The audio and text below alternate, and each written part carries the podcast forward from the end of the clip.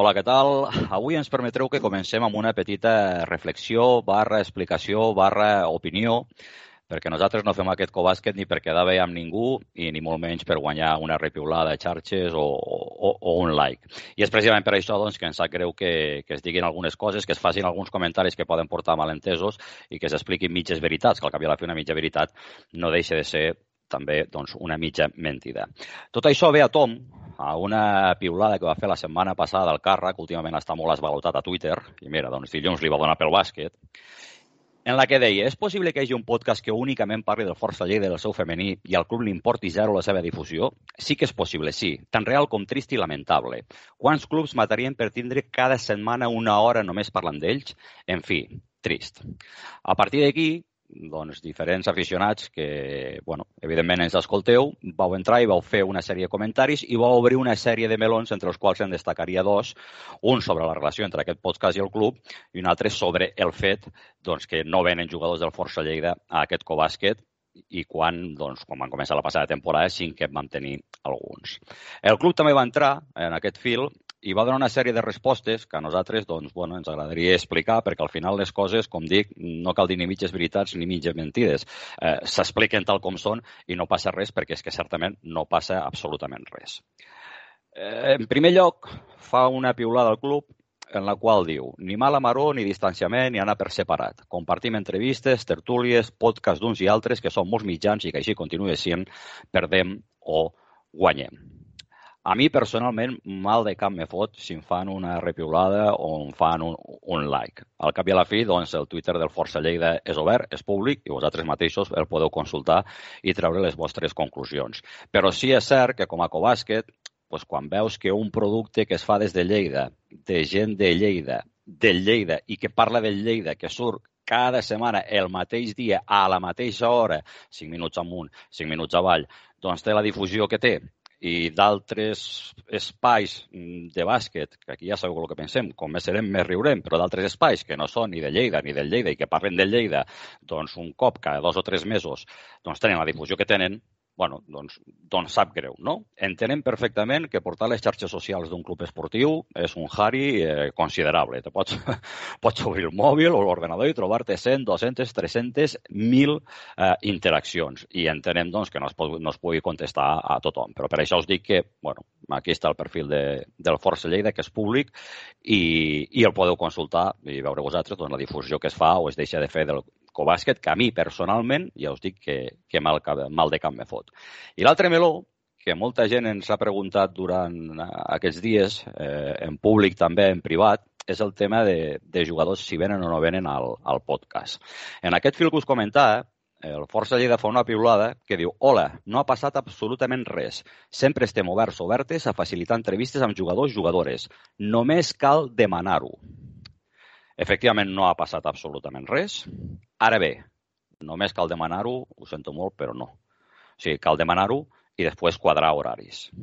Eh, mireu, nosaltres fem això perquè ens agrada, perquè ens ho passem bé i perquè, a més a més, estem coneixent gent molt maca, eh? gent que tenies saludada doncs, de xarxes o pel pavelló però que no havies intercanviat mai més que una frase o de vegades cap, i ara estem descobrint, com dic, gent molt maca. I perquè després de l'experiència del podcast del futbol, bueno, doncs vam pensar que seria bo doncs, fer també un podcast del bàsquet. Però precisament per l'experiència futbolera, en un primer any i segon any que havia dies que acabàvem de gravar dilluns a la una de la matinada, doncs també vam pensar que fora bo que ens establíssim una mena de, de disciplina a l'hora d'enregistrar els podcasts, perquè vosaltres el que veieu és el producte final, que és una hora, una hora i escaig de contingut, però darrere d'aquesta hora, hora i escaig de contingut hi ha molta feina. I si a aquesta feina, a més a més, hem d'afegir doncs, que cada setmana haguem de gravar en un dia i en una hora diferent, doncs gairebé que seria pràcticament impossible. I és per això que vam decidir gravar els diumenges entre dos quarts de deu, començant entre dos quarts de deu i les deu del vespre. Perquè, a més a més, una altra de les voluntats d'aquest podcast és donar-nos veu a vosaltres, als aficionats, i certament, després de fer diferents consultes, doncs també era el dia i hora que ens anava millor. A partir d'aquí, gestionem personalment entrevistes amb el president i no hi ha cap problema, més enllà de que el primer dia que ve l'Albert Aligaga recordo que hi va haver una incidència tècnica i al final acabàvem de gravar a quarts de 12, quan ell s'aixeca cada dia a les 5 del matí. Eh, gestionem directament eh, la primera entrevista amb Gerard Encuentra i no hi ha cap problema ha vingut més vegades. De fet, recordo que l'última coincidia amb un partit de playoff de Lliga ACB i ell molt amablement va voler estar amb nosaltres i la part de partit que es va veure d'ACB doncs ja ho va veure després en vídeo.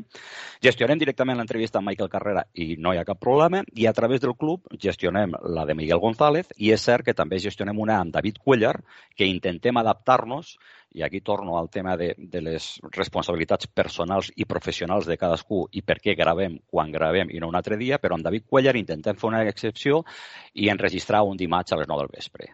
Però la llei de Murphy és absolutament implacable i fa que aquell dia, doncs, a un servidor, que tots sabeu doncs, on treballo i de què treballo, doncs se li la troca i no podem enregistrar l'entrevista amb David Cuellar.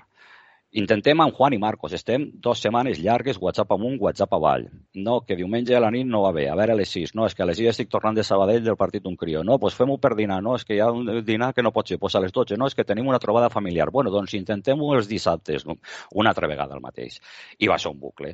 I veient doncs, tot això, doncs vam decidir, bueno, doncs deixem de demanar jugadors, i ja està, perquè, insisteixo, eh, produir això, doncs, bueno, és, és feina. I és cert que el club tampoc ens ha tornat a dir, escolta, voleu a tal personatge mm, tal dia? No. Bueno, no passa res. Opinió. Eh, pensem que els jugadors del Força Lleida al cap i a la fi són treballadors del club. I com a tals, si el club considera que vol participar en un projecte, i així ho han fet arribar tal qual doncs, tant el servei de comunicació com el mateix club, doncs home, està bé que es puguin donar eh, facilitats. Nosaltres tampoc eh, demanem res de, de l'altre món. I com a treballadors del club, si el club decideix que han d'anar a un mitjà de comunicació, han d'anar a un acte d'un patrocinador o qualsevol altra història, i amb això no estic dient que siguem un mitjà de comunicació perquè no ho som, ni que siguem un patrocinador perquè no ho som, enteneu-me el que us vull dir, doncs exacte, s'hi va i ja està. Al cap i a la fi, la temporada regular de l'Aleporo comença a primers d'octubre i acaba a mitjans finals de maig. Això vol dir 35 diumenges.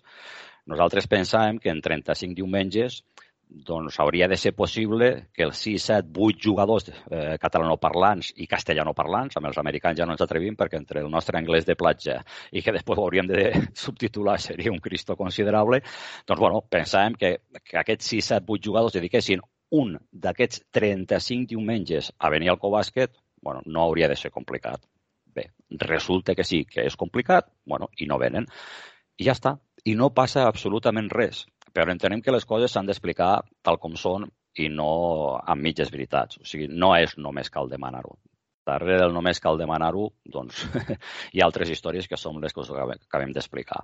I insisteixo, no passa absolutament res per dir les coses com són. La relació amb el club, fins on nosaltres sabem, escolta, excepcional. Ha vingut el president, ha vingut l'entrenador i, i segurament tornaran. I si algun dia som capaços de, de ficar-nos d'acord doncs, perquè en els nostres horaris d'enregistrament venen, doncs fantàstic. Eh, nosaltres, si volem perquè vingui, que vinguin jugadors aquí, és precisament també per donar-vos veus a vosaltres, que els pugueu fer preguntes i també els pugueu conèixer eh, millor. No és possible? Eh, no passa res, de debò. I amb això sí que estem d'acord amb la piulada del Força Lleida, ni mala maró, ni distanciament, ni anar per separat. El que ha passat és això, i com deia doncs, eh, l'enyorat eh, Carrascal, així són les coses i així us les hemos contado. Perdó pel misal, ara sí, comencem. bàsquet.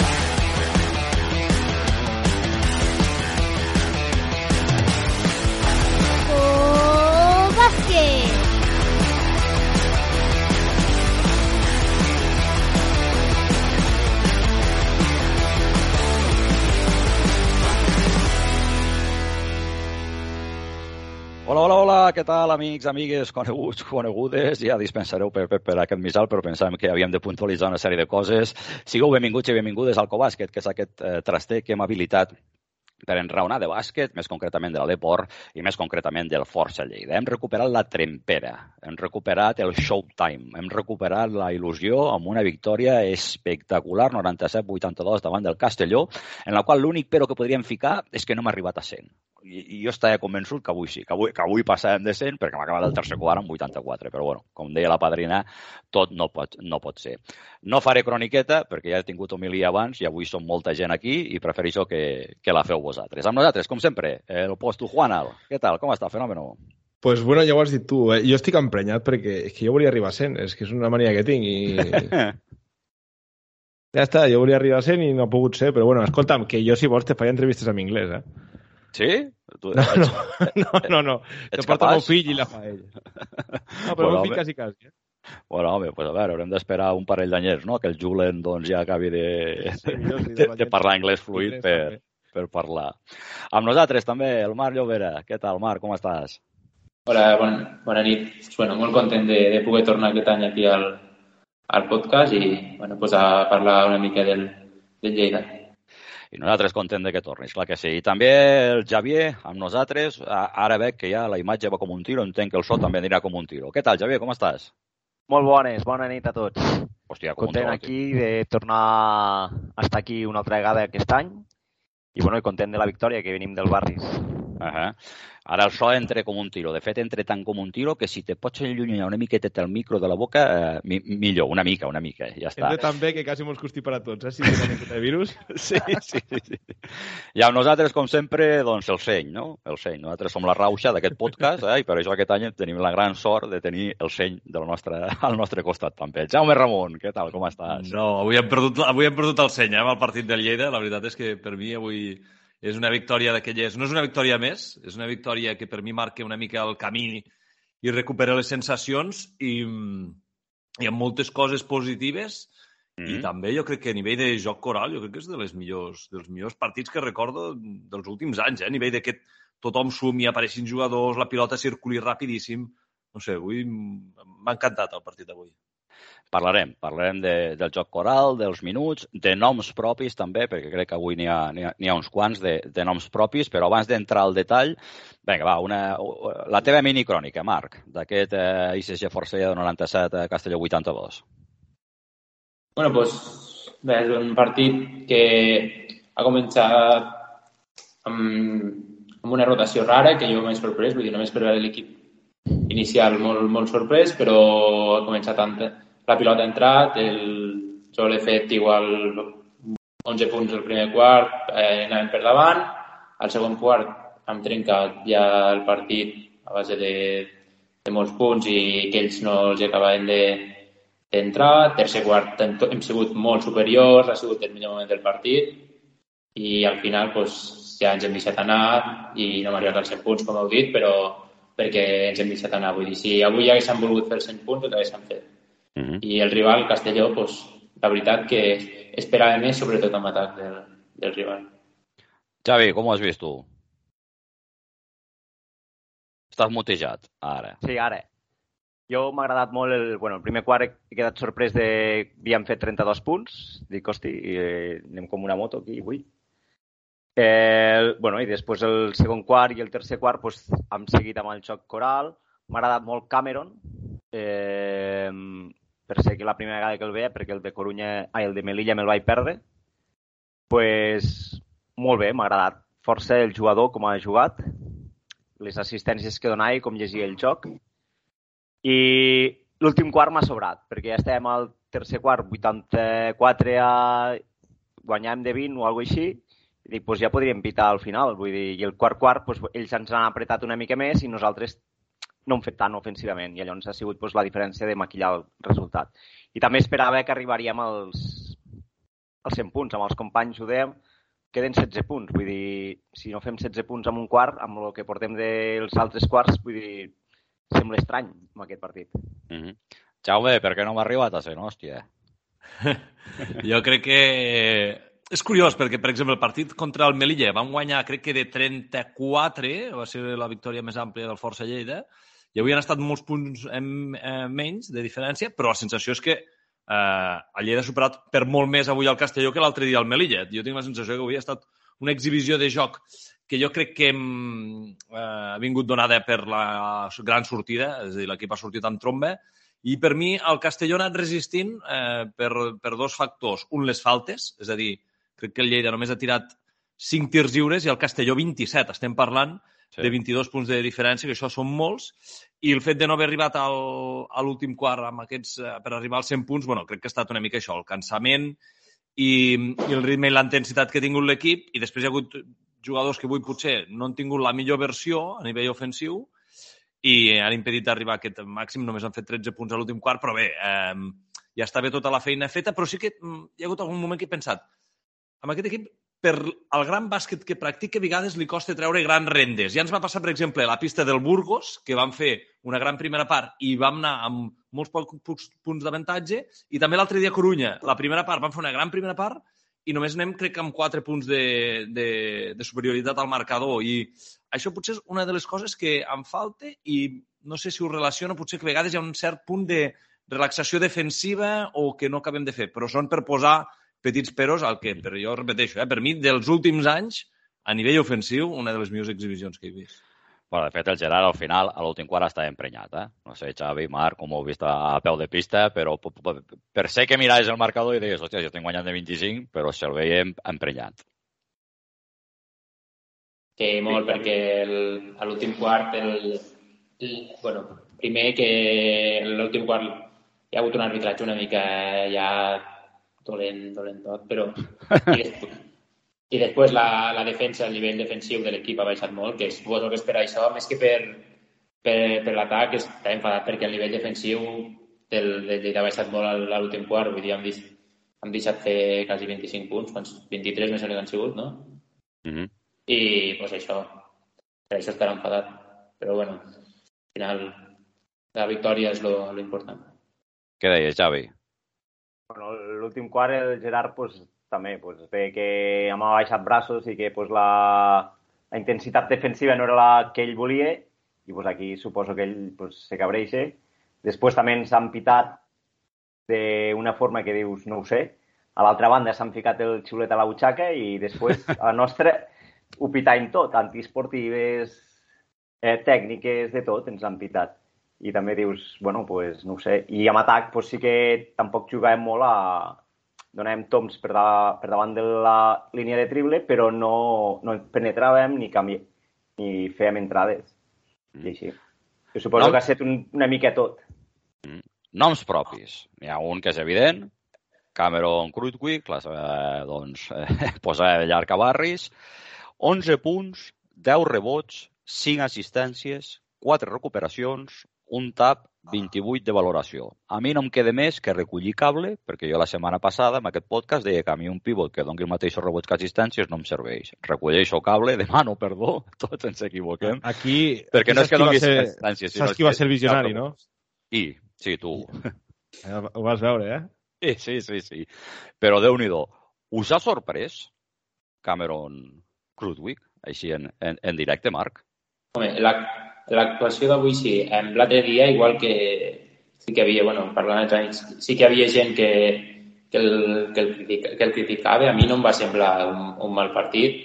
Eh, bueno, per, perquè a, a tu, Albert, no t'agrada que l'estil de pivot, un estil així, un pivot passador de l'estil CJ Gatis, per, per dir-ho així, però bueno, a veure si... Bueno, bueno, bueno, bueno, toquem fusta, no? Que no, no sigui no, Gatis. L'estil de joc és similar, però bueno, uh -huh. avui sí que ha donat una assistència, ha tancat ha tancat bastant bé el rebot avui, l'altre dia no tant, però bueno, jo crec que ara li, li pot faltar una mica d'intimidació en defensa i, i res, però en atacs sembla que serà un bon jugador. Un jugador que pot fer a l'Aleport perfectament 10 puntets a l'Aleport, té un bon jugador. Jaume, has flipat o, o no? Sí, sí, sí, espectacular. És que per mi els números no plasmen el que hem vist a, a la pista, perquè és que uh mhm. Podem mirar els números i analitzar-los i són números espectaculars. A més, uns jugadors tan complets costa de veure. Però per mi el que m'ha sorprès més és la velocitat d'adaptació que ha tingut per semblar una mica el líder en atac de l'equip, perquè és que tenia la pilota i feia moure els jugadors sí, sí, i tenia sí. una visió eh, perifèrica espectacular que ha fet dos o tres assistències que ni jo mateix veient-ho eh, m'esperava, perquè és que no se'n dona els avis, però ha regalat punts d'una manera increïble de fet, perdona, molt... sí. de, de, fet, perdona, hi ha, hagut, hi ha hagut dos o tres jugades que semblava que era ell qui es coneixia els sistemes i els altres els que no se'ls coneixien. Exacte, sí, sí, sí, és que els ordenava i a un li deia no ves cap aquí. I això, primera, m'encanta perquè és el que també demanàvem una mica als primers podcasts, jugadors que tinguin aquesta capacitat de manar una mica i de, de lideratge, perquè a vegades hi ha jugadors que són molt bons però els hi falta aquest punt i a mi m'ha sorprès que en, en tants pocs dies eh, hagi assumit aquest rol i després que la qualitat la té. Sí que és veritat que potser contra pivots més físics, ho vam veure contra la Corunya, patirà una mica més i avui els pivots del Castelló són més mòbils, són una mica més del seu perfil i aquí pot eh, competir de tu a tu en defensa, que és un crec com potser encara hi ha molt marge de millora, però com vam dir també és un jugador eh, universitari dels Estats Units que ha, ha tingut poques experiències, però que és molt intel·ligent i que per l'estil d'encuentre eh, pot encaixar molt bé. Xavi. Jo m'ha agradat. Eh, ha fet un parell de passades, com del Ramon, que dius, hosti, doncs molt bones. I la connexió amb Villar, que entrava per darrere i, i guanyava aquella assistència, també molt bé. Després també l'he vist amb defensa que ordenàvem un dir-li tu cap aquí, tu cap allí i, i ell, pues, perquè sabia la zona. Ficar-li com a punt negatiu una coseta, a part un paio del Castelló fins a sota l'anella, es fa el lloc i no va a buscar la canasta, va a buscar una passada o alguna cosa. Jo això me trau de sí, me diu, hosti, un pivot amb, amb lo alt i gros que és ell, vull dir, que s'ha fet el lloc, vull dir, té la canasta. Vull dir, acaba tu la jugada. És l'únic detall que li ficaria com a, com a pero, eh, mm -hmm. ficar alguna cosa. Jo crec que és un paio que té una ment privilegiada per jugar amb això del bàsquet, però el cos no l'acaba d'acompanyar. Per bé que també, eh, jo em pensava que estava més, més fondo, sí. eh? per dir-ho d'alguna sí, manera. Sí. També, també és veritat que venia del Kindle Thomas i no l'he vist, home, no diré que és un... No, a mi, per, per la tele a Coruña em va semblar bastant més fondón del que l'he vist avui en directe. Sí. El Javi Vega el comparava amb Jokic. He vist a Twitter eh, sí. amb sí, sí, el jugador dels Nuggets i sí que té una mica aquest estil, no, no té tanta sí. tècnica, però recorda una mica. Sí, sí. No, però és un tio, jo, jo crec, eh, Jaume, tu també fa molts anys, vosaltres tres fa anys que ho seguiu, no? Però tu, Jaume, potser més de número. Jo, jo no recordo un, un pivot amb aquesta lectura del, de, del joc que hagi passat pel Força Lleida, però és que et diria més. Bueno, ara mateix el Barça té Jan Vesely, que també és un tio que llegeix molt bé el joc, però clar, ja estem parlant d'Eurolliga, d'un tio que ha estat a la NBA i tal. Però tios amb aquesta lectura del joc, ostres, eh, té la manera. El que passa, i aquí torno al tema físic, és que jo crec que també en defensa pateix. Però també té una cosa molt bona, sota la meva opinió, i és que no sembla el típic americà que vagi a fer números. I és que avui ha, fet, avui ha fet 28 de valoració sense per mi anar a fer números. Per mi sí, sí. Ha, fet, ha, fet, ha anat a fer jugar l'equip i el que més convenia en qualsevol moment. Sí, sí, tremendo. Bueno, no sé, veurem a veure si, si, si l'hem encertat. Home, jo crec que d'entrada el que sí és cert és que no ens hem equivocat, no? Ara hem de donar temps per veure si, si, si l'hem encertat o no. Al final, tu quan veus jugadors, i fa anys que veus bàsquet, bueno, pues el CJ Gettys, jo personalment en dos minuts ja sabeu que li vaig ficar la creu, no? Perquè vaig dir, hòstia, aquest tio no, no, no, no, no, no, no sap jugar al bàsquet que se juga aquí a Europa, no? I en canvi, el Cameron avui dius, hòstia, aquest tio coneix, coneix l'ofici. Però bueno, ara, temps. Un altre nom propi, eh, Jaume, Simeunovic, eh, qüestionat, fins i tot s'havia parlat que potser a veure el club se plantejaria buscar un 4-4 i mig, i avui surt i se l'ha tret.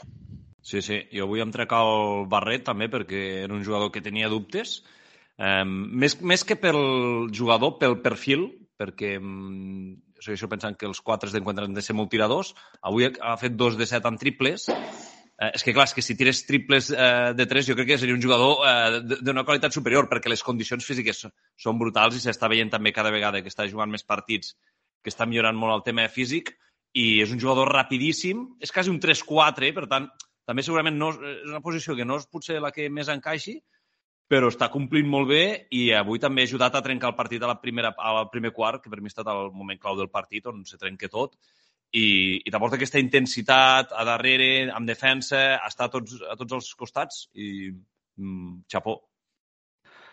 Xavi Marc, vosaltres també éreu dels que qüestionàveu a Simeunovic i ara recollim cable o una flor no, no fa estiu? Com ho veus, Xavi? Bueno, jo el veig... Des del principi vaig pensar que pues, era un jugador de rotació i que venia pues, a, a suplir, a donar descans a altres jugadors però sí que veig que a poc a poc pues, va entrant en dinàmica i, i hosti, pues, eh, avui ha fet 20 punts i pues, hosti, pues, ajuda molt a l'equip també. Pues, en moments claus ha fet alguna falta i ha treballat algun contraatac que també ha estat molt bé i és un jugador que, que treballa, que treballa i que, pues, bueno, pues, vulguis o no, pues, fa jugar bé l'equip també i pues, dona resultat al final. Mm-hmm. Marc, això és l'únic que per mi l'únic que li falla és el, bueno, el percentatge de 3, però, però de més corre, la, sap córrer la pista, defensa molt bé, tanca el rebot, plus carrega bastant bé el, rebot, el rebot amb atac, vull dir, no, és, l'únic que li falla per mi és el, bueno, el percentatge de tir de 3, que això ja, ja ho veiem tots, però per la resta és un bon jugador que Lleida. Mm -hmm. Eh, hi ha hagut una cosa, i ara Jaume entrem en temes potser més tècnic de partit, que han estat les rotacions, que a mi m'ha sorprès perquè les ha calcat Gerard Encuentra en els tres quarts i a part d'una forma molt curiosa. I és que primer canviar els tres petits i al cap de minut, minut i mig, canviar els dos grans. Bueno, al primer quart dius, bueno, plan de partido, vale. Però és que al segon quart ha fet el mateix i al tercer ha tornat a fer el mateix. A, a, a mi m'ha sobtat, Jaume, no sé com ho has vist tu, però... Dic, sí, sí.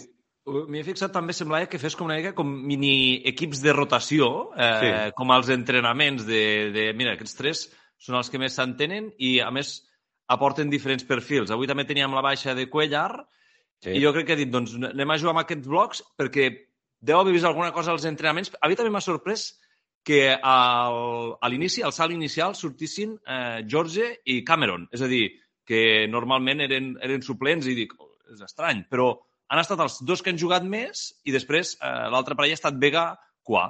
Eh, però ha funcionat i deu tenir alguna explicació, això hauria d'explicar més eh, Gerard Encuentra, que és eh, el qui sap eh, d'això, però hi ha d'haver alguna cosa que combinis tenint certs jugadors l'apartat ofensiu, però que també algun d'aquests defensi, i a la inversa, perquè és que jo crec que hi ha jugadors que aporten moltíssim a l'atac, és el cas, per exemple, de Lobo, i després en defensa fluixeja, i al contrari, Matulionis és un jugador que en atac ara mateix no t'aporta res, però en defensa et compensa molt. I jo crec que a, a, juguem això, juguem aquests equilibris i, i ha trobat la tecla avui. A veure si amb un partit gran contra un equip gran encara som capaços de demostrar-ho també durant els 40 minuts com serà Valladolid al pròxim partit. Alguna lectura sobre, sobre aquest tipus de, de rotació, Xavi, Marc? Però tot el que em sorprèn a mi és que treu un equip pràcticament tots els jugadors que, que eren suplents, que van ser suplents el dia de, del Corunya, surten avui titulars i, el, i a l'inrevés, perquè, per exemple, l'altre dia sortíem amb Cua, d'en Vega, menys Matulionis, els altres quatre canviats. Bueno, això m'ha sorprès, però ha sortit bé i pues, com que ja ha vist que li ha sortit bé, pues, ha seguit fent-ho al, al segon quart, al tercer quart, i després ja a l'últim ha canviat una mica per deixar descansar segons qui, però bueno, eh, ha sortit bé, a veure si això és el que heu dit, que amb un, altre, amb un partit gran o els segons partits, a veure si, si segueix fent el mateix, si canvia alguna cosa, però bueno, això ja és cosa del, del Gerard i confiem a veure què, què sortirà. Pa parleu molt d'un altre perfil de pivots eh, en un partit gran. Eh, lo d'avui, Xavi, ha estat eh, també de mèrit de, de, de Castelló o, o és que senzillament nosaltres doncs, eh, els hem atropellat? Bueno, el, jo crec que el Gerard s'ha estudiat molt bé els partits de Castelló, també havíem jugat bastant en pretemporada així, i ha volgut fer els, el, el seu partit. Vull dir, de mèrit de Castelló, no. Jo crec que pues, el, el Lleida ha fet el seu partit i Gerard pues, va provant coses. Vull dir, jo el trobo que és un entrenador que pues, tampoc que és que sigui la tecla, m'ha sorprès de que fes equips de 3, de 3 i que anessin canviant de 3 en 3, però el Gerard és un paio que va provant coses repartit rere partit. Vull dir, ja, recordo l'any passat a, a la primera volta que juguem contra... Ai, a la segona volta, a la primer partit de la segona volta que juguem a, contra Movistar i després de tiro fallat seguim defensa en zona i també li van preguntar amb aquestes alçades ja fas això i ell, pues, bueno, sempre hem d'estar innovant i, i fent coses noves. Amb un partit gran, jo crec que l'estudiarà diferent, el partit. Mm -hmm. Pot ser un recurs, però no crec que ho faci a, a tots els partits, això. Mm -hmm. Ostres, estic veient xarxes, el Javi Vega aquest és un cachondo tela, eh? Diu, partidazo y gran ambiente en el barris, vamos, força lleida, seguimos, menudo show de Cameron, tal, i fica el hashtag Camarón da Isla. L'hem de... I què més? Jockey Caliexpress. el que dius tu, no, Jaume? L'hem de començar sí, sí, a batejar. Sí, sí, aquest tuit, aquest tuit, sí, sí. Hòstia, és, és bona, eh? Lo de Cameron d'Isla és bona. Eh? sí, sí. A més, se'l veu bastant integrat amb l'equip pel poc temps que porta. Vull dir, crec que és un jugador que també eh, se'l veu així que fa bé estudiador i se'l veu divertit. No sé, haurem de seguir això. Sí, sí. Haurem... Perquè vegues cachondo, també haurem de, veure, a veure, haurem de veure com evoluciona això, perquè sí, realment estaria bé, doncs, a veure si l'hem d'acabar de batejar. No ho sé, te dic una cosa, si el mateix IQ que té a dins de la pista el té fora, en dues setmanes parla català, no castellà, català, eh? Vull dir, és, és tremendo. Però bueno, diuen que, que, que la festa no pot ser mai completa i a banda de no arribar al 100, que això és una collonada, ostres, ens hem emportat l'esglai final de Jaume Lobo. Eh, Xavi, tu deies que en directe no, no, no feia bona pinta o que no, no sabem el que té, eh? era una jugada que tornava, a part absolutament eh, fortuïta, i tornava a defensar i es, es trepitja amb un altre jugador i té una torta de peu. Com ho has vist, Javi? Jo el que he vist allà, bueno, està sentat just darrere la, a la corba, em sento allà a la corba, prop de la panqueta del Lleida. Sí.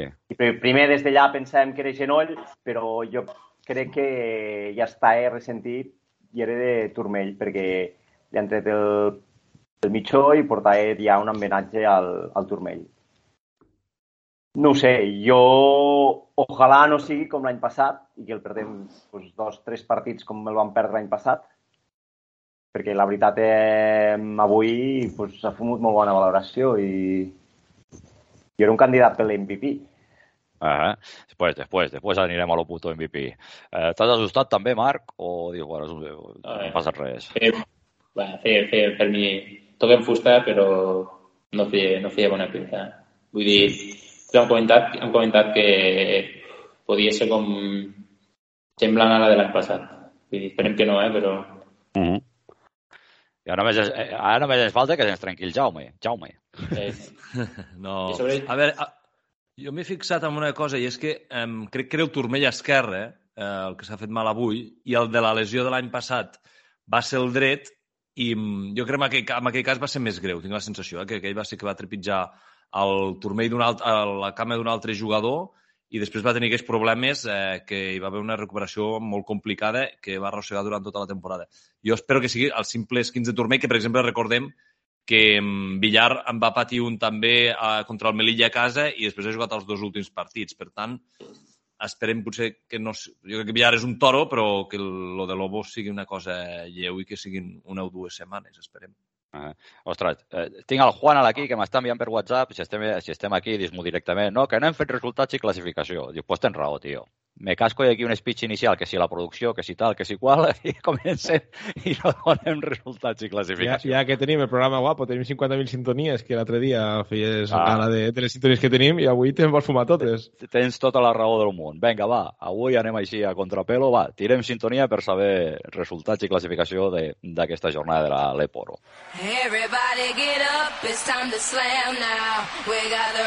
Betis 84, Tizona 85, Cáceres 84, 84, Coruña 81, Fuenlabrada 55, Estudiantes 80, Menorca 50, Ourense 74, Alicante 71, Guipúzcoa 70, Burgos 83, Clavijo 66, Oviedo 71, Melilla 79, Cantàbria 81, Valladolid 82 i Força Lleida 97, Castelló 82. De tal manera que encapçalen la classificació amb 6 victòries, una derrota, Movistar Estudiantes i San Pablo Burgos, Longevida San Pablo Burgos, el, el bo, entre cometes, per entendre'ns. Amb 5-2, Coruña, Ourense, Tizona Burgos, el menys bo, tot i que només se separa un partit, i Guipúzcoa, amb 4-3, Alacant i Valladolid, i amb 3-4, novena posició per l'ICG Força Lleida i també estan amb aquest balanç Catres, Amics de Castelló i Oviedo. Amb 2-5, Fuenlabrada, Menorca, Cantàbria, Melilla i Clavijo i amb U6, U6, els fenòmenos que van deixar marxar a Cameron Krutwig, Betis. Aquests han estat els resultats i la classificació de, de la jornada 7 de, de l'Aleporo, però continuem amb el que ha passat a Barris amb aquest partit entre el Força Lleida i, i el Castelló. Feies referència mm, al teu, a la teva primera intervenció, Jaume, al tema del joc coral, no? I fixa't tu que, que l'any passat parlàvem molt de les minutades d'alguns jugadors i aquesta temporada, doncs, també, les primeres jornades, doncs, també en parlen molt. Avui el que ha jugat més és Rafa Villar, 24 minuts, 17 segons, i només quatre jugadors per sobre de 20 minuts. Això pot ser una tendència o és que, bueno, doncs com que el partit ens ha anat rodat, no? que jugués qui jugués, doncs les fotíem amb el cul, doncs ja, ja ens anava bé. Jo crec que ha de ser la tendència. És a dir, quan començàvem a principi de temporada a analitzar l'equip, destacàvem això, que si aquest equip funcionava havia de ser perquè tenia una versió coral i on tots aportessin. I on un, si un dia falla un, que n'aparegui un altre. I és, per mi és l'única manera que aquest Força Lleida pot, ser, eh, pot arribar al nivell de les últimes temporades, és a dir, una altra versió, una versió més col·lectiva, on tothom aporti i on, una mica amb el que dèiem abans del Cameron, de que no tothom busqui les seves estadístiques, sinó que tothom busqui sumar per l'equip i pensar en el col·lectiu. I jo crec que és el camí. Avui ho hem vist també. És que, clar, per exemple, comentaves el que més eh, Villar 24, però el que menys eh, Hasbrook amb 15. Vull dir que tampoc és una gran diferència de minuts pel que estem acostumats. Són unes rotacions normals i potser per perfils de partits hi haurà jugadors que juguin més o menys, però jo crec que tots han de tenir un, un rol important, sobretot també per aquesta intensitat que sempre demanen en en defensa, que és la mare dels ous. Si al final defenses bé i asseques els rivals eh, i tu ofereixes 5 minuts de màxima rotació al màxim nivell, és que això no, no val diners i és el que necessitem, perquè és que no tenim tampoc una superestrella que ens farà 25 punts per partit i viurem d'ell, com teníem abans, sinó que hem de buscar això. Xavi, tendència o mira, perquè avui ha anat com ha anat? No, jo crec que és la... el rol que hem d'agafar, eh? També tens jugadors que pues, tenen pues, més edat, com pot ser Kenny Hasbrook o Javi Vega, que pues, també el ritme de partit, de, pues, si els fas jugar mitja hora o 3 o 40 minuts a vegades, com jugar Michael Carrera, pues, igual no t'ho aguanten. Uh -huh. I llavors, pues, suposo que és això, que pues, és anar rotant i pues, jugadors que juguin pues, 20 minuts, eh, de 15 a 20 minuts, pues, que puguin jugar i puguin donar el seu màxim a la, pista, a la pista, diguéssim. Mm. Marc, com ho veus? jo crec que era més... Eren, el que, el que comentàvem, que hi havia jugadors que van jugar molt, com per exemple, sempre el Courtois mateix, a principi de temporada era més per necessitat, perquè no hi havia més jugadors que pel fet de que l'encontre ho volgués fer. Mm -hmm. I ara, al final, jo crec que si estem sants, que toquem fusta, seguirà aquesta tendència pràcticament segur. Passa que això tampoc, tampoc no és fàcil, perquè això ara implica una teòrica reassignació de rols. No? Tu ara feies esment, per exemple, a, a, a sí. que, que estava jugant 31-32. I, clar, cada partit era, si no era l'MVP, doncs eh, quasi. Ara, vull dir, no és fàcil tampoc això, no? I, i ojo, si arriba Gonsipe. Oh, bueno, Gonsipe, Gonsipe, ja, algun dia obrirem eh, la carpeta Gonsipe, com, però no. Sí, sí. Ja, ja. Avui, avui ja, ja bueno, camina per allí, però sí, sí, sembla que anirà per allà. Però... Uh -huh. Hòstia, és que ara, Javi, si torna algun cipe, igual tenim un problema, no? Pues sí, perquè s'hauran de repartir més minuts. Però el fet de que pues, cada partit pugui sortir algun, pugui sorgir algun més, pues aquell amb aquell partit també el pots exprimir una mica més de minuts, diguéssim. Pues avui ha estat el cas de Cameron, pues, que ha estat 23 minuts, o Rafa Villar t'està donant molta intensitat. Pues són jugadors que també pots exprimir més, més minutatge, més temps. Si torneu algun CIPE, bueno, pues ja veurem com ho farem. Suposo que pues, millor per nosaltres també, tindrem més recursos a pista. Mm. Ben, ell problema, no, Jaume, tenir aquest mal de cap per, una, per un entrenador.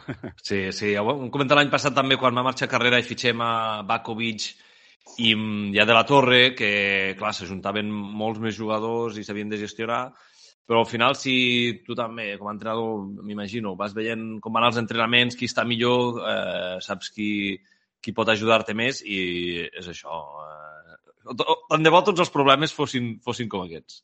Sí, sí. Molt bé. Eh, d'avui ens hem deixat alguna més? Voleu, voleu apuntar alguna cosa més del partit d'avui? No? Doncs vinga, eh, DJ Juanal. Hòstia, te, te fotré, te rebatejaré 40 vegades. maneres. El Juan. Pues 50.000 mots. Pues tu, Juanal, pues vinga, ara DJ Juanal, tira-lo del puto MVP, home. Lo puto MVP. Vinga, per cert, avui ho, fa, ho faràs ara o faràs un pegot com l'altre dia al final? No, no, avui sí. no ho faré perquè he seguit el partit d'aquella manera, amb crios, dutxes, històries, els tres primers quarts i només he vist l'últim i, i no... I ha sigut el millor, no? Mare de Déu. Vale, vale, ja hem trobat una altra clau del partit avui. Vinga, va, lo puto MVP, apunta, Juan Ala. Marc, tres punts. Eh, tres punts per estarem bastant d'acord per Cameron Furwick. Mm -hmm. Dos punts. Dos punts per eh, Simonovic, i donarem premi avui per partit. I un punt. I un puntet per, per Jaume Lobo. Ah. Javi, tres punts. Tres punts, jo els vull donar al Cameron, perquè quan he vist l'estadística i he vist un 28 de valoració, tot i ben fet, eh, quants punts ha fet avui?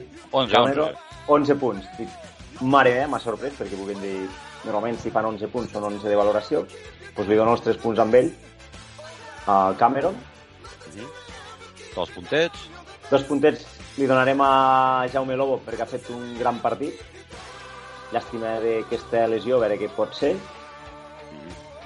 I un puntet? I, i un puntet li donarem a George Simonovic perquè també pues, ha fet una bona, bona valoració i és molt bon jugador també. Eh. Vinga, va, Jaume, sorprèn-nos. No, no, ja també. Cameron de la Isla, eh, Lobo i Jorge. Vale, o sigui, tres Ca- Cameron de la Isla, dos Jaume Lobo i tres George. Bueno, pues com que més o menys tots farem el mateix, jo aquesta setmana m'abstinc, a part ja tenim tres votacions, val? i així ja... Ha- ha- Has fet el recompte ja, Juanal, o, o, o com va això? Bueno, eh, tothom li ha donat 3, 3 a Cameron, així que guanyador aquesta setmana Cameron, que jo, ja el, donava, jo ja el vaig donar guanyar, el guanyador la setmana passada, vull dir, ara us pugeu tots al carro. Con un par, sí senyor. Molt bé, doncs aquest ha estat el puto MVP d'aquesta jornada 7. Vinga, més fato. Uh, Javier, Marc, uh, tothom que passe per aquí per primera vegada i que s'estreni aquesta temporada, doncs uh, els fem la mateixa pregunta, que són expectatives. Marc, quina expectativa tens a la temporada 23-24 de l'ICG Força Lleida? Més o menys el que anem dient tots, pues fer el, fer el playoff i, i jo crec que ahí, ahí estem. Si, si, si comencem a jugar molt bé i es podem tentar la piloteta i podem fer un factor pista, pues seria ja moltíssim. Vull dir, igual seria que tant factor pista com la, la, els altres anys eh, em queda podem pujar, pujar, pujar directe. Vull dir, impossible, per, impossible per mi, més per com van els de dalt, però fer playoff sí que hauria de ser objectiu. Mm -hmm. Javi, expectativa? L'expectativa és playoff, factor pista ho veig complicat, l'únic que seria pues, evitar pues, a un Corunya, a un Estudiantes i a un Burgos, perquè pues, els altres pues, pot haver possibilitats de que et puguis plantar, però un playoff, tal com està la categoria aquest any, la Leport, pues, jo crec que seria molt bona expectativa per Lleida. Mm -hmm. Jaume, un cop hem vist ja Hasbro i s'ha recuperat i Vega i hem vist un parell de partits o un partit i mig de Cameron, la teva expectativa canvia? Hem, hem de canviar d'expectatives? Perquè aquí la línia més o menys general era a veure si podem fer playoff i gràcies. Sí, no, jo crec que això... És... Jo sempre he dit això, entre el cinquè i el novè, per mi seria l'objectiu i no canviar i tampoc eh, caminar els dubtes. Jo tinc la sensació que, que és el camí a seguir i que haurem de lluitar. Serà una, una Leport, ho estem veient, eh? Els resultats, eh, qualsevol guany i qualsevol. Serà espectacular.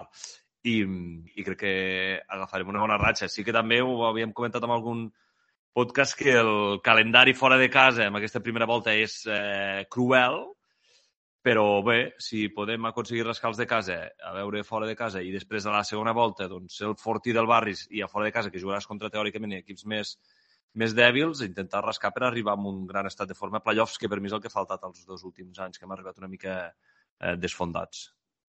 Perquè ara tenim, anem a Valladolid, rebem el Betis, anem a Alacant, rebem a Ourense i anem a Estudiantes i Fuenlabrada.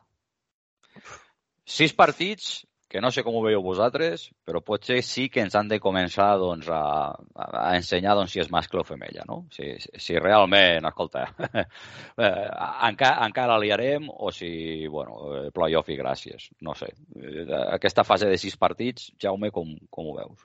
Sí, és una fase no diré que transcendental, però sí que és bastant significativa d'on podem arribar a, a competir. A, per mi l'únic que ha faltat és contra els partits grans. Jo crec que no hem fet mals partits, recordo el de la pista de Burgos, el de la pista de Corunya, on hem tingut trams molt bons de partit, però no hem estat als 40 minuts regular. Jo això li dono la responsabilitat o la culpa al fet de que hem tingut aquesta, tants problemes amb les lesions, eh, els problemes amb els pivots de confecció de plantilla i que no hem acabat de tenir com tot el, el paquetet tancat i més també aquell calendari tan atapeït de partits que també per mi ens va jugar a la contra en viatges molt llargs. Per tant, ara, eh, jo tinc la sensació que encuentra, vull, vull fer una mica de dir, ara ja tinc el que vull, ara anem a fer que això serveixi per guanyar a grans equips i fins i tot a pistes complicades. Aquí per mi és el pas endavant que veurem. És una mica incògnita. El partit de Valladolid per mi és un bon test perquè sí que és veritat que per mi Valladolid té un equipàs, però tampoc està demostrant està a la categoria dels grans de tot. Per tant, aquí pot ser una pista, i a més amb les ganes que li tenim del playoff de la temporada passada, serà un bon test. Uh -huh. que passa que, clar, Marc, són dos a casa i, i, i quatre fora, no? que és l'assignatura la, pendent de, de Força Lleida d'aquesta temporada. Firmem un 2-4 o podem ser més, més ambiciosos? Jo crec que l'objectiu ha de ser treure els dos de casa i guanyar un, del, un dels quatre fora. Un dels quatre fora. Ben complicat treure més de, de treure'n més de 3 del 6 ho ve complicat, i més en els rivals que són. -huh. Ara, depèn, jo que sé, el 6 és Labrada, que ara està malament, però aquí 6 jornades igual n'ha guanyat 5 de seguit, saps? És dir, no... Sí, sí. No ho sabem, però, però bueno. Però amb, amb el que ha dit ara també estic d'acord que a mi Valladolid, potser eh, per nom sí que té un bon equip, però l'equip en si no està acabant de ser el, un equip tan, tan fort com potser alguns esperaven. Però bueno. Mm -hmm. Xavi, què? T'atreveixes amb una porra d'aquest tram de sis partits? Amb aquest tram de sis partits, jo firmaria un 3-3. Treure els dos de barris i algun més a fora. Valladolid eh, és un equip que a principi de temps, quan es va tancar, va ser el primer que va tancar plantilla i que tots pensem que pues, estaria cap a dalt. El grup que tenim els companys d'Infoleporo, que ara som l'Aleporo, eh, n'hi ha un de Valladolid i sentia que l'entrenador igual el volien fumbre fora. Yep. Paco García, el... se volen petar el Paquito. És el que es va dir per allà. Eh, suposo que era perquè venia de dos o tres derrotes seguides i pues, no, no els acabava d'agradar. Eh, Betis pot ser un meló que no saps si pot ser mascle o femella perquè en teoria està fitxant a canviar d'entrenador i hauria d'anar cap a dalt, però no ho saps i Labrada una de cal i una d'arena. Vull dir, t'està fent partits que pues, guanya sobradament i partits que no està traient-los. Mm -hmm. No ho sé. Vull dir, el d'estudiantes el dono per perdut, per tal com està, però jo crec que sí, que els del barris i algun fora l'han de rascar. Lo, lo del Betis, Jaume, m'ho has d'explicar molt a poc a poc, eh? Vull dir, aquest canvi d'entrenador que han fet ja, ja no dic el fet de canviar l'entrenador, sinó eh, l'entrenador que van fitxar i, i el que han fitxat ara. Però ja, ja és tot des de l'inici de l'estiu, eh? perquè quan començaven els fitxatges, que per ser un dels primers va ser Cameron Caradic, sí. ja, ja t'estranyava de dir, compte, el Betis, teòricament, un equip que baixa d'ACB sempre són equips que fitxen a noms o són els que primer donen un, un cop de puny sobre la taula, però ja va fitxar primer jugadors, la majoria desconeguts de l'aport, i després bastant tard. Eh, van necessitar temps per, per incorporar jugadors i, i ha semblat que els primers mals resultats han començat a canviar coses, han fitxat Polanco, han canviat d'entrenador, han buscat jugadors, però clar, ja s'ha instal·lat una sensació de nervis. Ahir, ahir aquest cap de setmana hem perdut per un punt. Eh, és comença, quan comença una cosa malament, a l'Alep mm, és una, una, una lliga que no et perdona. Llavors, ara hauran de remar. Tenen opcions de salvar-se i, com dèieu, jo tinc la sensació que aniran cap amunt però eh, és, que és, és que aquesta lliga és molt dura eh? I, i, i, i, i és que els costarà moltíssim. Eh, per permanència, perquè jo crec que playoff ja, ja se'n poden oblidar. Clar, perquè el problema és aquest, clar, quan tu comences 1 a 6, home, jo crec que més o menys tots tenim clar que Betis, home, segur, segur, només hi ha segur de Calafell i la Pobla de Segur, però no fa pinta que el Betis baixi a la plata. Ara, reenganxar-se als de dalt, vull dir, tal Això només ho pot fer Margasol. Ja ho vam veure aquell any del, del Girona, que també van començar molt malament, sí, però, sí, sí. però pocs més ho poden fer, això. Sí, sí. Bueno, no ho sé, no ho sé. Feina rai. Vosaltres, eh, Xavi, us està sorprenent eh, aquesta lliga, més enllà del Betis, que jo crec que és la gran sorpresa, en aquest cas negativa? Eh, sí, jo esperava que també Fuenlabrada fes un equip eh, potent, potent, però a mi Fuenlabrada me recorde al Castelló de fa dos temporades, una mica millorat, mm -hmm. per noms que també han fitxat. L'entrenador era el que tenien allà i és el Castelló que va fer, va arribar a playoff o alguna així. Crec, de la temporada que nosaltres van baixar, que ells van fer molt bona temporada. Uh -huh. I després, pues, bueno, pues, sí que els que han fet grans fitxatges pues, és l'Estudiantes i, i el Burgos, que pues, han fitxat el bo i el millor que han pogut trobar, però també veiem que l'Ourense els va poder guanyar. Mm -hmm. I el que m'agrada molt com juga i com està fent és el Corunya, que jo crec que és un dels favorits, més que els altres dos. Mm -hmm. bueno, que ha palmat contra Cáceres, no sé per què, però... bueno, perquè això és la puta Leporo, no? Exacte. Marc, què? Bueno, és, a veure, és que per mi, excepte el, el l'Ourense, que és el que m'ha sorprès, bueno, l'Ourense per bé, i els altres dos, bueno, els dos recient descendits de CB per, per, per malament, la resta mires la classificació i no és una classificació, és una classificació que esperable a principi de temporada. Primer Estudiantes, segon Burgos, tercer Coruña, l'Ourense que mos falla, però després eh, Tizona Burgos també és, havia d'estar playoff de l'equip que ha fet. Eh, Guipúzcoa, també Alicante, Valladolid, Lleida, vull dir, són equips que són els equips que més o menys t'esperes que puguin estar playoff. Vull dir, no, no, no és una classificació tan, tan descabellada, tampoc. Mm -hmm. Vinga, pues, classificació descabellada o no, el cert és que, mira, fa patxoca entre cometes, però que jo us he de reconèixer que avui no les tenia totes, eh? Vull dir, allò que deies, ostres, ai, ai, ai, ui, ui, ui. I mira, doncs estem 3-4, que evidentment doncs la vida eh, es veu d'una manera estant 3-4 i es veuria una altra amb, amb 2-5.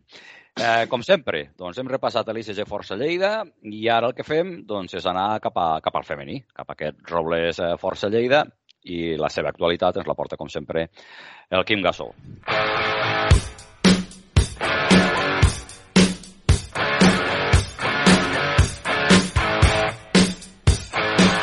Què tal, Quim? Com estàs?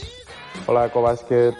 Avui us porto el resum del que ha estat aquest cap de setmana pel Robles Força Lleida en format àudio. Serà una mica més breu de l'habitual, però crec que ens servirà per conèixer una mica què va passar l'equip aquest cap de setmana. Abans de començar, però, vinc ara mateix del Barris Nord. Deixeu-me donar l'enhorabona al l'ICG Força Lleida pel gran partit que ha fet avui, sobretot els tres primers quarts, crec que han sigut dels millors minuts de temporada. Suposo que ja ho heu analitzat molt pausadament, amb tots els detalls aquí en el programa, però avui hem vist un Lleida diferent i, i tant de bo es mantingui aquesta bona dinàmica en els pròxims partits. Referent al Robles, aquest cap de setmana ha caigut a la pista de l'Aranguren, 65 a 57, normalment al revés, que venia una mica tristot i us porta l'alegria. Aquest cap de setmana giren les tornes, però ja sabem que aquestes coses en un esport, en canvi, com el bàsquet, passen Crec que no és una derrota preocupant, és un dels desplaçaments complicats d'aquesta Liga Femenina 2, una pista dura que, que s'ha de lluitar cada punt, que un equip que no et regala res i a més un equip també que venia de dues setmanes de descans, que va haver de no poder jugar el seu últim partit a la pista de l'Andratx a causa de les inclemències meteorològiques que li van prohibir viatjar a les illes i un equip que tenia molt ben estudiat a Lleida i que des de l'inici va anar manant el marcador i no es va deixar remuntar en cap moment. Crec que el joc de Lleida tampoc va ser per tirar-se dels cabells, els primers minuts tot va ser correcte, però bastant erroni en el tir. L'equip de Rubén Petrus es posa 10 punts per sota els primers minuts i aconsegueix ajustar el marcador fins a un 28 a 22 abans del pas pels vestuaris, sobretot amb un parell de cistelles consecutives de Cristina Penya. I la segona meitat torna a ser una calcomania del que havia estat aquesta primera. L'equip local surt amb molta més força dels vestuaris en aquests primers compassos. El Robles reacciona, s'arriba a posar 6 punts a falta de 5 minuts, però finalment és l'Aranguren qui, qui treu profit d'aquest avantatge inicial per acabar-lo fent bo i enduent-se el partit de, de 7 punts al, a l'acabar. És una derrota que es podia donar, sabíem que era una pista complicada, no crec que això generi dubtes, generi preocupacions, eh, rival directe, zona alta, sempre sap greu doncs això, no poder sumar els punts en aquests partits, però crec que és un dels aspectes que també té Lleida per davant que pot continuar millorant i, i, i complint aquesta bona dinàmica amb la qual ha començat la temporada. Dissabte que ve té un partit per retrobar-se amb la victòria, a priori fàcil, però no ens cansarem mai de dir-ho, trampa, com aquests que havien estat de, de la Corcon, que per cert aquest cap de setmana ja ha sumat la seva primera victòria. Vam dir la setmana passada que no era un equip per portar zero victòries. Aquest cap de setmana ja l'ha aconseguit davant l'Almeda, que és justament el, el proper rival del Lleida. El dissabte següent, a les 7 de la tarda, un equip que porta de moment zero victòries en 5 partits i, i que situa la part baixa de la classificació. El Lleida ara mateix està en un triple empat a la quarta posició, juntament amb Castelló i Aranguren. Eh, Aranguren, com els comentàvem, eh, no va poder jugar l'últim partit, per tant, amb un partit menys, això és cert, i que són els dos únics equips, es dona la casualitat, que han guanyat aquest Robles Força Lleida. Per davant seu a la taula classificatòria només hi tenen a Domusa Tècnic Iraurgui, que són l'equip que van aconseguir guanyar a la primera jornada amb aquella gran remuntada al Barris Nord, eh, Baracaldo, que segueix intractable, amb un 6 a 0 eh, en aquestes sis primeres jornades, que ve de guanyar de 53 punts al Tordera, que és un bon equip. Aquell, si recordeu, aquell partit que el Lleida va haver d'anar a la pròrroga, on va sortir Milimaza en, a ple rendiment i, i les va començar a endollar de tots costats per endur-se el partit per al Lleida i també en aquesta zona alta per sobre el Lleida s'hi situa Bossoni i Tuni Bàsquet Com comentàvem abans, doncs, aquests enfrontaments directes és potser un dels punts on pot incidir el, el conjunt del Segrià, ja que els enfrontaments directes n'han guanyat un contra Iraurgi, ha perdut dos contra Castelló i Aranguren, per tant, jo crec que si vol estar lluitant fins al final, doncs, aquests són uns partits on també ha d'anar a treure uns puntets que poden servir molt al final. I precisament parlant d'aspiracions a la classificació, L'últim dia ens vam quedar una mica amb, amb el dubte d'aquest format canviant de la Liga Femenina 2 i de totes les lligues que depenen de la federació. la conclusió és que us vaig dir mitges veritats. Val? Us explico com, com funciona ben bé aquesta Liga Femenina 2. Hi ha la fase regular amb dos grups de 14 equips. El Lleida, en aquest cas, està en el grup B. I com veus deia la setmana passada, no hi ha cap ascens directe. Es classifiquen per una fase final els quatre primers de cada grup, per tant, el Lleida ara mateix estaria a la frontera, ja que es troba a la quarta posició, al final de les 26 jornades de Lliga regular. És a dir, que no hi ha cap equip que pugi directament, sí que baixen els tres últims de cada grup, sis equips en total, però en aquest sentit molt malament haurien d'anar les coses perquè Lleida acabés mirant cap a baix a la classificació. Recordem que els tres últims classificats, que són el Meda, Andratx i el Corcón, poden, porten 0-0 i una victòria respectivament. Entre els equips de la part alta, que acabin entre aquests quatre primers classificats del grup A i el grup B, farien dos nous grups a l'acabar la lliga regular i passar a la fase final. En el primer d'aquests grups jugarien el primer i el quart del grup A amb el segon i el tercer del grup B, passaria la inversa a l'altre grup, el grup 2 estaria format pel primer i el quart del grup B i el segon i el tercer del grup A. Aquests nous grups jugarien una lligueta a una sola volta, tres partits en total, eh, només anada, sense, sense tornada, i d'aquests grups eh, novament formats de quatre equips es classificarien els dos primers. Els dos primers per unes teòriques semifinals que a la pràctica acaben sent la, la final, perquè són dos els equips que acaben pujant a, a la Liga Femenina Challenge. Per tant, els dos primers classificats de cada grup passen a les semifinals que queden enquadrades doncs, el primer del nou grup 1 contra el segon del nou grup 2 i el primer del nou grup 2 contra el segon del nou grup 1. Els guanyadors d'aquestes semifinals són els que acaben pujant directament a Liga Femenina Challenge. Per tant, en conclusió, si Lleida vol continuar aspirant a aquestes posicions d'ascens, doncs ha d'estar molt a prop d'aquestes quatre d'aquests quatre llocs que donen el privilegi de passar a la següent ronda i veiem que el camí no és per a res curt, sinó que haurà de ser molt treballat i, i com remarcàvem la setmana passada, d'arribar molt ben entonat en, aquesta, en aquest tram final si encara arribes amb opcions perquè fins i tot quedant quart del teu mateix grup pots acabar donant la sorpresa i, i pujant una, una classificació més. Per tant, tota la força pel Lleida per aquestes pròximes jornades. Repeteixo, una derrota eh, que podia succeir, una derrota que per un moment no és alarmant, el joc de l'equip tampoc va ser tan...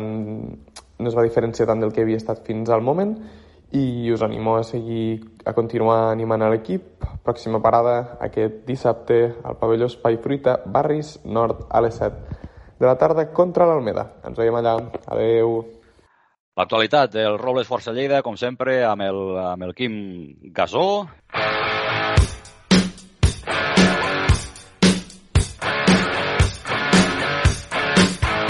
I vinga, va, més, més, més sintonies. Vinga, va, DJ Juan, ara que, ara que et toca, ara toca tu, no?, la Rokipèdia. Pues venga, sí? Va. Vinga, va, fot-li. Va, fot-li, fot sintonia Rokipèdia. La Rokipèdia amb el Juanan.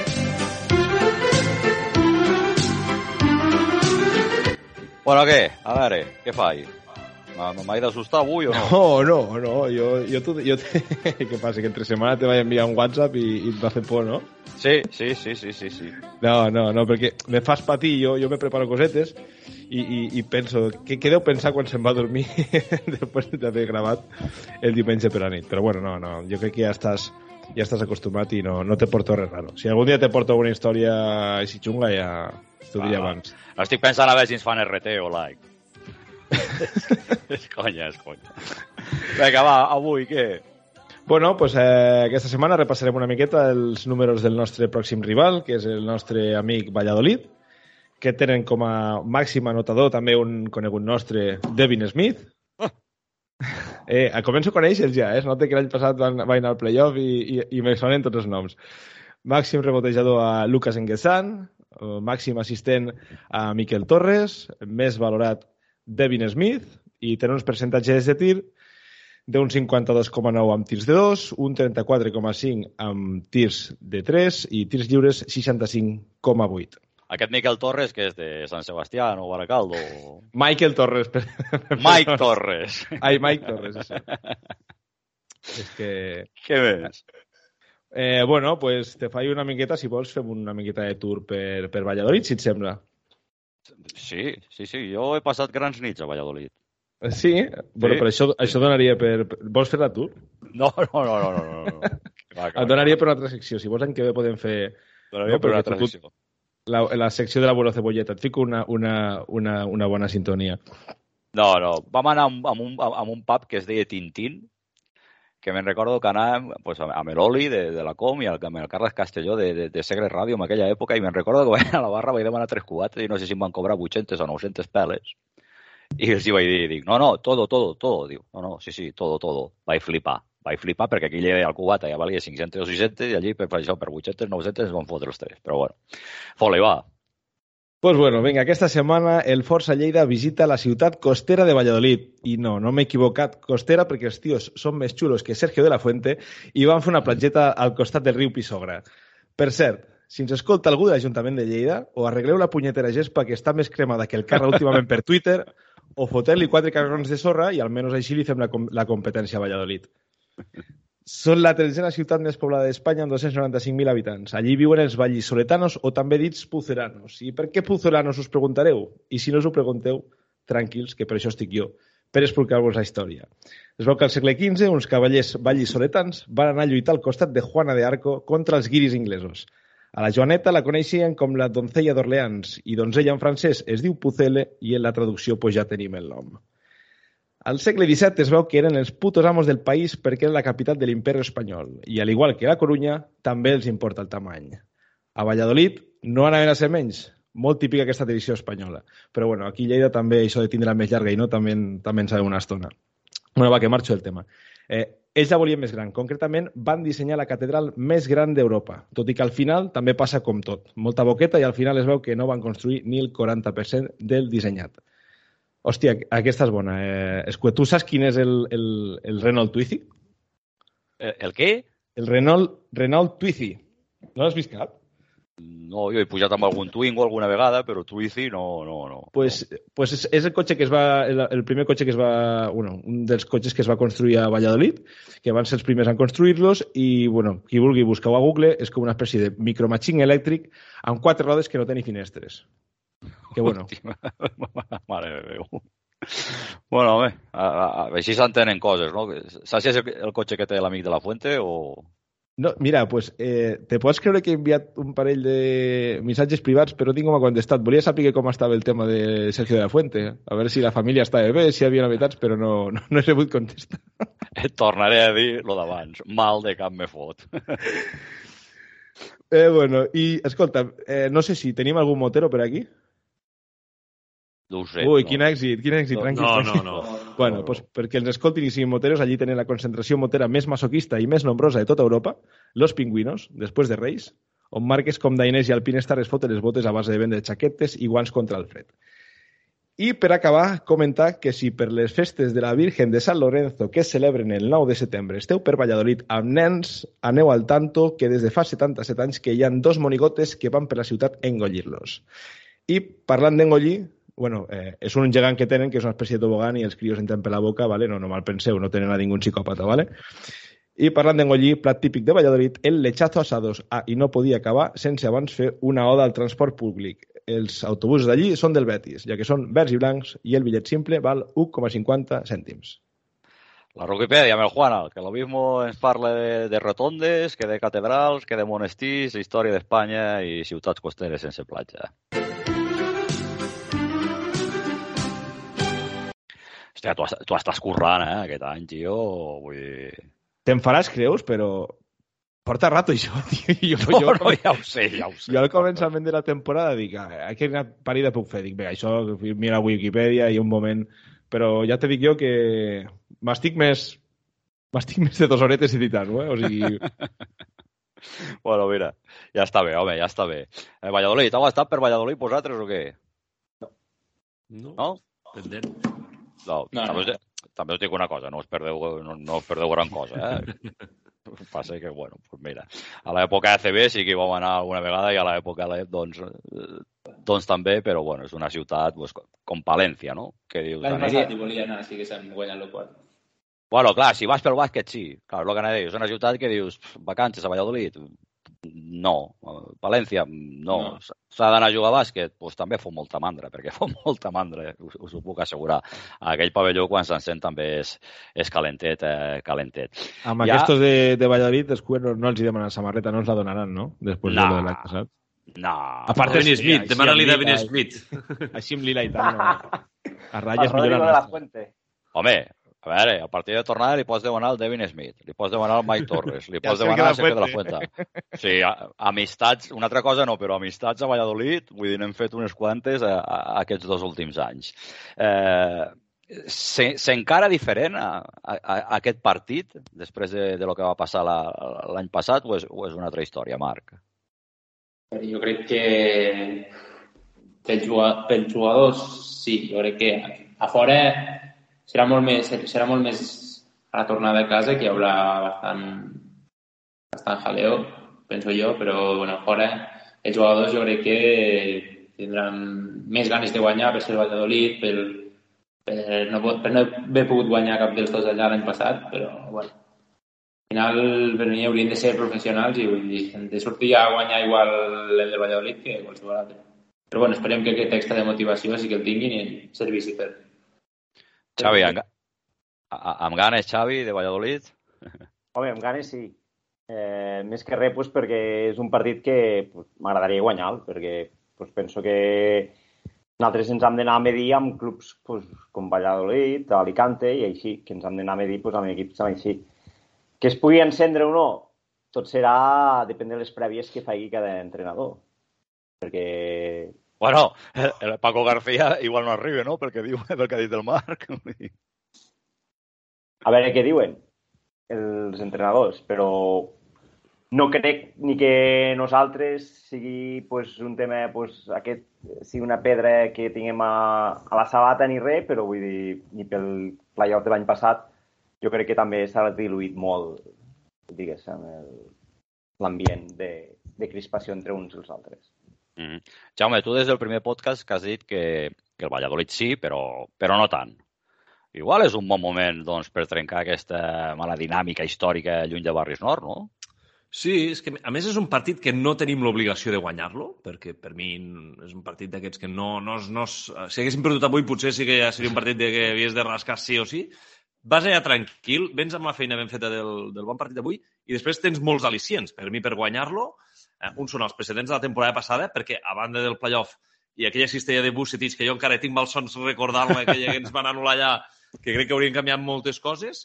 Després també recordem que a temporada regular allà palmem de 40, en un dels partits més durs de, de, dels últims anys del Força Lleida, amb CJ Getty, si no recordo malament, com a MVP del partit fins i tot, i amb, amb carrera expulsat, Sí, un sí, Em, després hi ha Devin Smith, que també guanyar Devin Smith sempre eh, és una cosa que agrada, i si l'ambient, com dieu, està enrarit i Paco García també està una mica a la corda fluixa, home, per mi posar el punyal i, i, i, i fer saltar la banca a Valladolid seria una, una gran fita, seria un gran dissabte. A mi és un partit que sí que em posa i crec que hi ha bastanta rivalitat que segurament per no ser playoff no s'encendrà ni s'escalfarà, però les rodes de premsa de l'any passat entre Encuentra i Paco García no van ser... Eh, és a dir, hi havia molta floreta enverinada per allà. Jo vaig tenir la sensació i que, i que està bé, i que al final el bàsquet també és una mica aquesta rivalitat i, i ens agrada.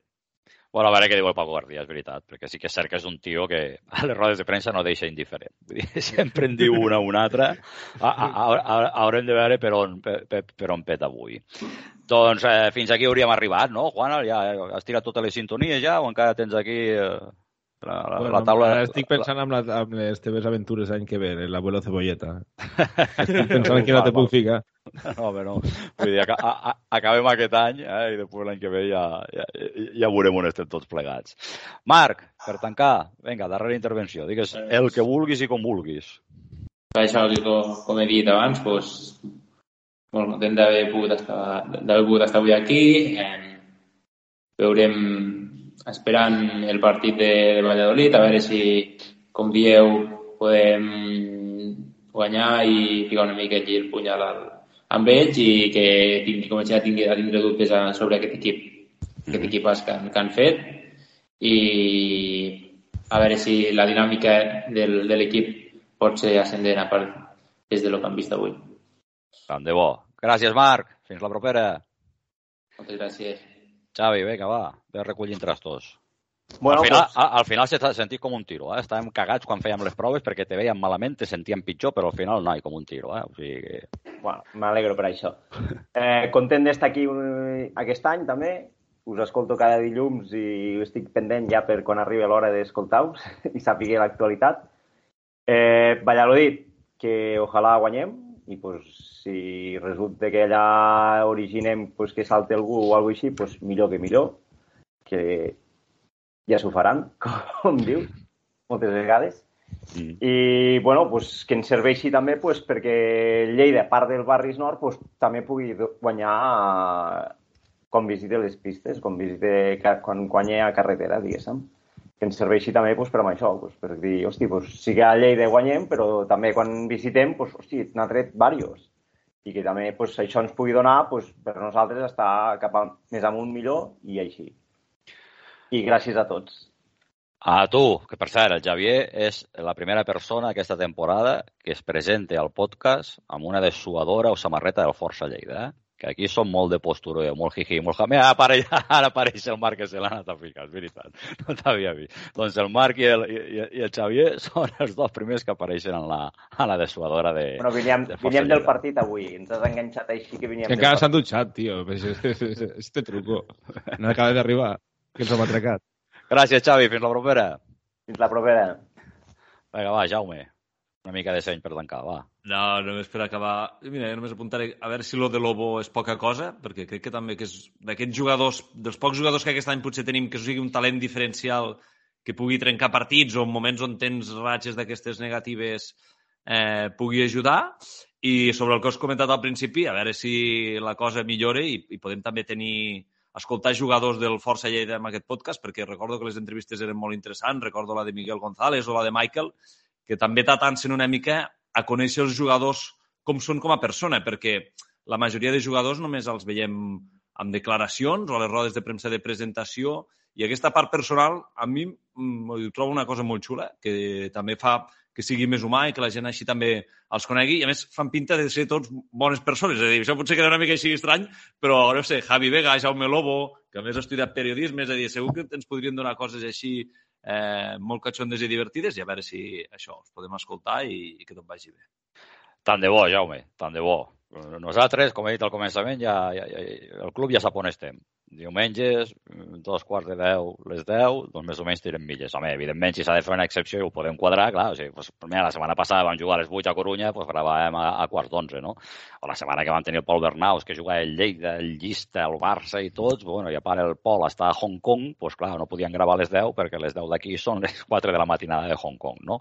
Però bueno, tant de bo, tant de bo, ens agradaria. Per nosaltres no, no, no, no quedarà, perquè a part és cert el que diu Jaume, que aquest any, l'any passat ja teníem personatges interessants, però jo crec que aquest any, ostres, mm, tenim un equipet que podríem fer unes risses, no? Com, com diria aquell.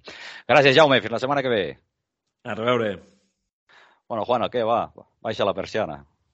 Eh, jo, mira, igual que estic molt relaxat ara que fent el podcast, jo crec que aquest any potser hauria de ser una mica de tònica, no? Després de, de, de no sé, potser portem dues temporades amb com aquesta pressió sense tindre realment, però com sembla que hem de pujar o hem de fer playoff. Tenint en compte com han començat i, i com estan les coses ara, jo crec que podem anar cap a millor sense tindre aquesta pressió de tindre que anar a guanyar tot arreu. Jo crec que potser aquesta pressió de no tindre que anar a guanyar tot arreu fa sí que acabem guanyant a, a puestos que, que potser no, no teníem previst, com pugui ser Valladolid. Així que, que ens donin sorpreses i ja et dic que estic molt intrigat de com s'anirà a desenvolupar la temporada. Ho ha dit un home. Gràcies, Juanal. A vosaltres, bona nit. I a tots i totes vosaltres que ens seguiu i ens feu confiança setmana rere setmana, doncs evidentment eh, super agraïts, vull dir, al cap i a la fi, com deia al començament de, d'aquesta edició una mica peculiar del podcast, eh, si això ho fem és perquè ens agrada, perquè ens ho passem bé i perquè enteníem doncs, que també hi havia molta gent doncs, que també volíeu dir la vostra i al final ens trobem aquí doncs, amb aquesta tracanada per fer-la petar una horeta sense cap més ambició que aquesta. I, evidentment, parlar de Lleida, de bàsquet i de la Força Lleida. Ja sabeu que aquí sempre sou benvinguts i benvingudes perquè la cova sempre fa bo. Adeu!